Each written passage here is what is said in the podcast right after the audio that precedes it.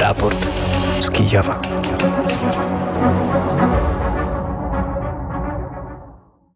589 dzień rosyjskiej inwazji na Ukrainę, inwazji na pełną skalę. Wita się Paweł Bobołowicz, audycję realizuje Marcin Suchmiel. W nocy ukraińskie siły obrony powietrznej zniszczyły 24 z 29 dronów szturmowych. Drony zniszczono nad obwodami odeskim, mikołajowskim i kirowogradzkim. Doszło jednak do trafienia w obiekt infrastrukturalny w obwodzie kirowogradzkim. Wybuchł tam pożar, który został już opanowany. Nie ma ofiar. Drony Służby Bezpieczeństwa Ukrainy uderzyły w rosyjski kompleks obronny, obrony powietrznej S-400 Triumf pod Białgorodem, poinformowało od razu kilka ukraińskich mediów, powołując się na rozmówcę w służbie bezpieczeństwa. Cena takiego kompleksu wynosi miliard dwieście milionów dolarów. To już drugi triumf, który SBU zaatakowała w ciągu ostatniego miesiąca. Rosja przerzuciła do Noworosyjska w kraju krasnodarskim 14 okrętów floty czarnomorskiej, piszą badacze Osintowi, powołując się na zdjęcia satelitarne. Analitycy z Instytutu Studiów nad Wojną uważają, że rosyjskie wojsko robi to prawdopodobnie próbując chronić okręty przed ciągłymi ukraińskimi atakami na rosyjskie obiekty na okupowanym Krymie. Wielka Brytania informuje, że według jej wywiadu Rosja zamierza zaminować trasy morskie statków cywilnych przewożących ukraińskie zboże. Zdaniem władz brytyjskich będzie to kontynuacja działań Rosji, których celem jest presja na ukraińską gospodarkę. Ponadto Rosja prawdopodobnie oskarży Ukrainę o rzekome ataki na statki cywilne na Morzu Czarnym. Do domu powróciło 19 ukraińskich dzieci z terytoriów okupowanych e, przez Rosję. Była to już 12 misja ratunkowa Fundacji Save Ukraine. W sumie organizacja sprowadziła na Ukrainę 196 dzieci. Według władz ukraińskich w czasie wojny z Ukrainą do Rosji deportowano łącznie ponad 19,5 tysiąca dzieci. Na Ukrainie zakończyło się śledztwo w sprawie rozstrzelania niebiańskiej sotni protestujących zabitych podczas rewolucji godności w Kijowie w 2014 roku. Akt oskarżenia przeciwko Wiktorowi Janukowyczowi i byłym zwierzchnikom sił bezpieczeństwa trafił do sądu. Łączymy się z Kijowem, gdzie jest Dmytro Antoniuk. Dzień dobry Dmytrze. Dzień dobry Pawle, witam Państwa serdecznie. E, Dmytrze, oczywiście zaraz przejdziemy do sytuacji na froncie, ale może dwa słowa o tej ostatniej informacji. E, tyle lat śledztwa, tyle lat e, działań jest akt oskarżenia przeciwko Wiktorowi Janukowyczowi, zwierzchnikom Ministerstwa Spraw Wewnętrznych, Ministerstwa Obrony ówczesnej Ukrainy, tej Ukrainy reżimu Janukowycza. Sądzisz, że to jest wreszcie działanie, które przyniesie jakiś wymierny efekt też prawny, doprowadzi do odpowiedzialności odpowiedzialności tych osób? Mm, nie, no bądźmy realistami. Do, to nie doprowadzi do żadnej odpowiedności, od, od, mm, odpowiedności tak, tych osób. Z, z punktu widzenia e, prawnego, no tak, nareszcie e, to chyba z, z, zakończyło się e, ale tymi wyrokami, ale mm, tak naprawdę ja absolutnie E, jestem daleki od myśli, że e, wszyscy e, oskarżeni zostaną wkrótce wzięci do, do więzienia w Ukrainie. Tak, wydaje się to co najmniej nieprawdopodobne. Mam też takie wrażenie, nie wiem czy potwierdzisz to, ale właściwie co roku w przededniu rocznicy albo rocznicy listopadowej, która symbolizuje rozpoczęcie Euromajdanu, albo w przededniu lutowych wydarzeń z 2014 roku, zazwyczaj dochodzi do jakiegoś takiego działania o charakterze prawnym, które później gdzieś tam za, zawisa w tej przestrzeni i, i te sprawy wciąż pozostają nie do końca E, zamknięte, nie do końca załatwione, też być może nawet w takim wymiarze e, moralnym. E, Dmytrze, ale tak, chciałeś coś dodać, usłyszałem. Tak, chciałem, dziękuję. Ja chciałem dodać, że to samo my obserwujemy z, z, ze sprawą Georgia Gangadze, który był zabity, przypominę, w 2000 roku. I do dziś ta sprawa nie jest rozstrzygnięta. I tak my znamy tych e, sprawców tej, tej e, zbrodni, tak, ale my e, też znamy chyba tych, którzy zamówili jego śmierć. Ale z tymi ludźmi nic się nie dzieje. Mi pewnie będzie łatwiej to powiedzieć. Prez, ówczesny prezydent Leonid Kuczma wciąż jest człowiekiem, który prowadzi aktywne działania o charakterze politycznym, a co najmniej polityczna odpowiedzialność w jakim stopniu za tę sprawę go dotyka. Masz rację, my z kolei w Polsce znamy, jak wygląda kwestia nieodpowiedzialności, nieodpowiedzenia za zbrodnie komunistyczne, za funkcjonowanie w aparacie komunistycznym, a żeby chyba też przestrzec trochę Ukrainę, to e, trzeba mieć świadomość, że wielu po prostu komunistycznych działaczy, mm, też tych, którzy na przykład brali pieniądze garściami z e, służb specjalnych e, w Federacji Rosyjskiej, dzisiaj pełni dalej ważne funkcje polityczne i czasami nawet występuje w sprawach wschodnich jako eksperci, taki Leszek Miller chociażby przypominając. Ale wróćmy do spraw ukraińskich mm, i do tego, co dzieje się na froncie, jakie są najnowsze informacje. Najnowsze informacje są bez e, zmian, czyli e, w, w, oficjalna informacja głosi o tym, że my mamy e, niewielki, ale postęp tam na kierunku tokmakskim, na zaporożskim odcinku frontu, że my też mamy niewielki, ale postęp pod Bachmutem na południe od Bachmutu, tam pod Kleściwką i Andrzejewką, ale tak naprawdę ja znów powtórzę, no niestety ja nie widzę, nie obserwuję tego na różnych e, mapach e, tych postępów. Być może nie są na pewnie, e, jakieś 200-300 metrów przeszliśmy, ale to nie widać na tych mapach. Natomiast też jest informacja o tym, że wróg zmienia swoją taktykę, czyli pozwala wchodzić e, naszym wojskom na swoje jakieś e, pewne odcinki e, linii frontu i pozwala wchodzić naszym żołnierzom na, szczególnie na otwartą przestrzeń, gdzie ich łatwiej jest poddać ogniu i tam po prostu ostrzeliwuje nasz ciężki sprzęt naszych chłopców i tak dalej. Także to jest kolejną problemą, czyli jeżeli wcześniej wróg e, za wszelką cenę siedział w swoich tych okopach, w blindażach i tak dalej, to teraz jednak widać, że e, Rosjanie, e, Moskale są bardziej elastyczni. I to stwarza dodatkowy też problem dla podołania tych, tych linii obrony, szczególnie tam na południowym odcinku frontu. Też trzeba powiedzieć, że ilość dronów E, które szczególnie tych dronów e, e, kamikadze, e, jest coraz większa u wroga i to stwarza też, też potężne problemy dla nas, dla naszych żołnierzy na froncie. Na przykład kilka dni temu była informacja, że w Limaniu, który znajduje się za no, dobrych 10-15 kilometrów od linii frontu, zginęli dwa żołnierzy Legii Międzynarodowej z E, Lotwy i z Estonii. E, I to e, było w wyniku uderzenia takiego samobójczego dronu rosyjskiego. Trzeba też powiedzieć, że sytuacja jest napięta w, mm, tam na linii frontu w obwodach charkowskim i lugańskim. Wróg nadal koncentruje tam ponad 50 tysięcy żołnierzy około 600, 600 mm, e, czołgów, około 500 e, też e, mm, armat, mm, sztuk artylerii. I to wszystko stwarza też potężny no, potencjał dla wroga, żeby znów e, kontynuować e, swoją natarcie, swój, e, swoje ataki na Kupiańsk i na Limań, o którym mówiłem przed chwilą.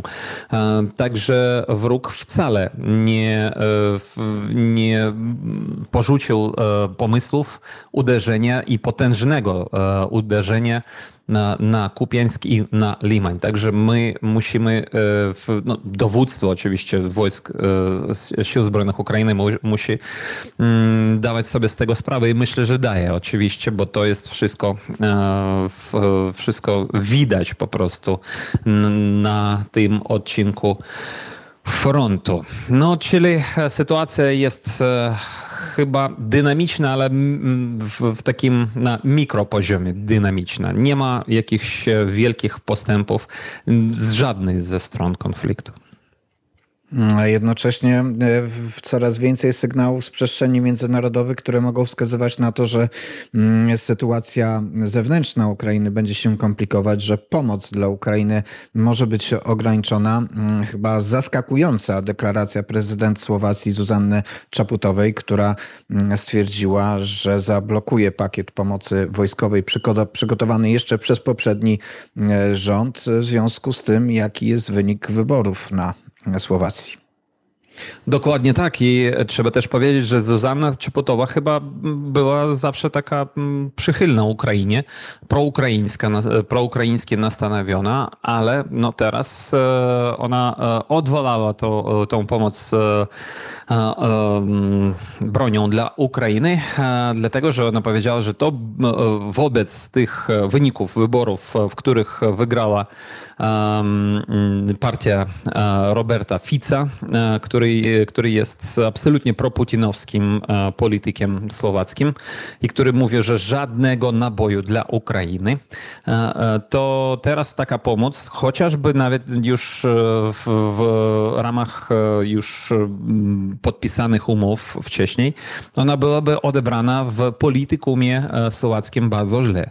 I dlatego teraz e, my chyba no już nie możemy liczyć na pomoc e, z tej strony. No i też przypominę, że trwa też no, per, trwa taki niespokojny e, e, okres czasów w polityce amerykańskiej. I dla nas to też wszystko jest niepokojące. I e, Ukraina w polityce amerykańskiej teraz jest taką monetą rozmienną, tak jak nas mówią. I tutaj też może być dla nas potężny problem. Już jest problem dla Ukrainy, dla dostarczania i broni, i e, pomocy finansowej. My musimy po prostu dawać sobie sprawę z tego wszystkiego. My musimy e, przygotowywać się na, na gorsze czasy po prostu, bo teraz widać, że na geopolitycznym takim mm, poziomie e, w, gromadzą się nad Ukrainą e, jeszcze czarniejsze chmury. A jednocześnie prezydent e, Załański twierdzi, że sytuacja jest na tyle stabilna, że będą mogły się odbyć wybory. No to ciekawe. I tak, prezydent Zelenski powiedział o tym wczoraj, że e, wybory mogą odbyć się e, na Ukrainie w przyszłym roku, jeżeli e, kabinet ministrów i Rada Najwyższa zrobią wszystko, żeby te wybory w, no, przechodzili w bezpieczeństwie. Ja, ja sobie tak naprawdę nie wyobrażam tego wszystkiego, pamiętając ile, ile chłopców i dziewcząt są na froncie teraz pamiętając też o tym, ile ludzi wyjechało po prostu z Ukrainy. Miliony osób. I jak to wszystko ogarnąć e, za, za granicą, na froncie, w samej Ukrainy, kiedy jak, jak obserwujemy co nocy spadają dziesiątki dronów i rakiet i jest też niebezpieczeństwo, że od, 2000, od 18 października e, już Iran może e, sprzedawać e, balistyczne rakiety swoje Rosji. Mm, to dodatkowe po prostu zagrożenie dla Ukrainy i, no, i nie, nie, nie biorąc pod uwagę jeszcze to, o czym mówiliśmy w zakresie polityki międzynarodowej. Także mm, jak takie wybory mogą być prowadzone na Ukrainę, to ja na, naprawdę nie wyobrażam, nie wyobrażam sobie. No to spróbujmy o to zapytać Artura Żaka. Przenieśmy się e, do Lwowa. Dzień dobry, Arturze. Dzień dobry, Pawle. Dzień dobry, Dmytrze. Witam ciepło słuchacze Radia Wnet. Jak z twojej perspektywy szanse na e, normalne życie polityczne, którego elementem są wybory, wyglądają na Ukrainie w tym momencie? Dla mnie to jest absurd, e, bo pomijając to, o czym mówił Dmytro, czyli fizycznym brak możliwości przeprowadzenia takich e, wyborów, to są braki też formalne, a tak naprawdę formalne przeszkody. W czasie trwania stanu wojennego, w czasie pełnoskalowej wojny nie ma formalnie możliwości przeprowadzenia takich wyborów. I każde majstrowanie, mówiąc kolokwialnie, w systemie, aby doprowadzić do takich wyborów, moim zdaniem i zdaniem wielu komentatorów, specjalistów e, od prawa konstytucyjnego jest dużym zagrożeniem dla systemu prawnego, dla państwowości ukraińskiej. Mamy uzupełnienie naszych e, informacji i wiadomości. Niestety o złe informacje. Poranny ostrzał w centrum Hersonia doprowadził do tego, że dwie osoby e, zginęły. A prezydent Wołodymyr Zełański, o którym właśnie mówimy, przybył do Hiszpanii na szczyt Europejskiej Wspólnoty e, Politycznej. Arturze, może posłuchajmy piosenki, którą wspólnie przygotowaliśmy. Nie, tutaj bym nawet powiedział, że to jest e, twoja propozycja. Piosenka, utwór bardzo liryczny, utwór zespołu Kozak e, System, ale na słowa Serhija Żadana, który bardzo często gości na naszej antenie. Utwór nie nowy, ale utwór e, wyjątkowo, wyjątkowo poetycki. Utwór Snich, więc Kozak System Snich. Raport z Kijowa.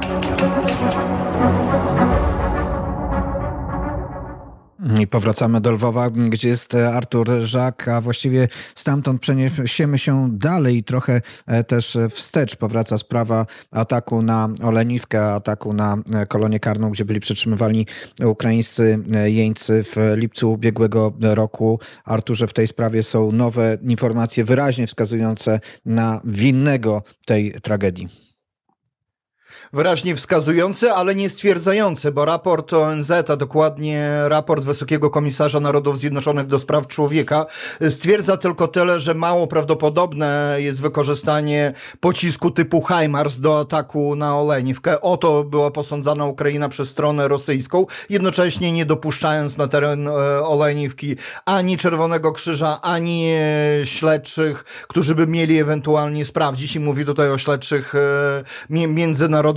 stwierdzono, że pocisk, który uderzył w, w te, te baraki, w których byli przytrzymywani ukraińscy jeńcy, przemieszczał się ze wschodu na zachód, czyli wskazywałoby to na oczywiście ostrzał z terenów kontrolowanych przez armię rosyjską. Niemniej jednak w tym raporcie dokładnie się nie stwierdza, kto jest e, prawdopodobnym sprawcą tego, e, tego zamachu. Na podstawie też e, wideo materiału materiałów i zdjęć tego baraku po, po tym wybuchu stwierdzają też, że, że, to, że, że, że nie mógł być to też HIMARS, ponieważ e, uszkodzenia by były dużo, dużo e, większe. E, więc nadal e, pewnie temat e, Oleniwki, czyli 120, 120 kolonii karnej, wolnowackiej 120 kolonii karnej będzie pewnie nadal wracał do momentu, kiedy nie dostaniemy dostępu, czyli światowa społeczność e, nie dostanie dostępu do tamtego terenu, żeby dokładnie sprawdzić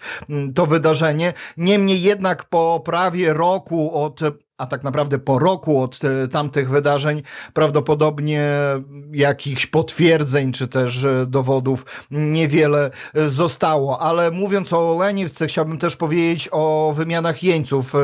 Radykalnie po, po, poczekaj, spadła liczba... Arturze, jeżeli możemy zatrzymać się na chwileczkę tutaj, bo może przypomnijmy te fakty, które są ważne na spojrzeniu na tę sprawę. Przypomnijmy Państwu po prostu, że ten atak dokonał się w noc z 28 na 29 lipca ubiegłego roku i w wyniku niego zginęło 53 ukraińskich żołnierzy przetrzymywanych w rosyjskiej niewoli. Ponad 130 zostało rannych, także warto po prostu, gdy o tych wydarzeniach mówimy, pamiętać o tej nieprawdopodobnej skali zabójstwa na żołnierzach, którzy po prostu przebywali w niewoli.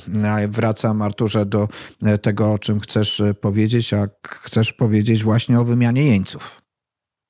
Zgadza się o wymianach jeńców e, i o ich ilości. W ostatnich miesiącach ta ilość wymian pomiędzy Rosją i Ukrainą radykalnie spadła.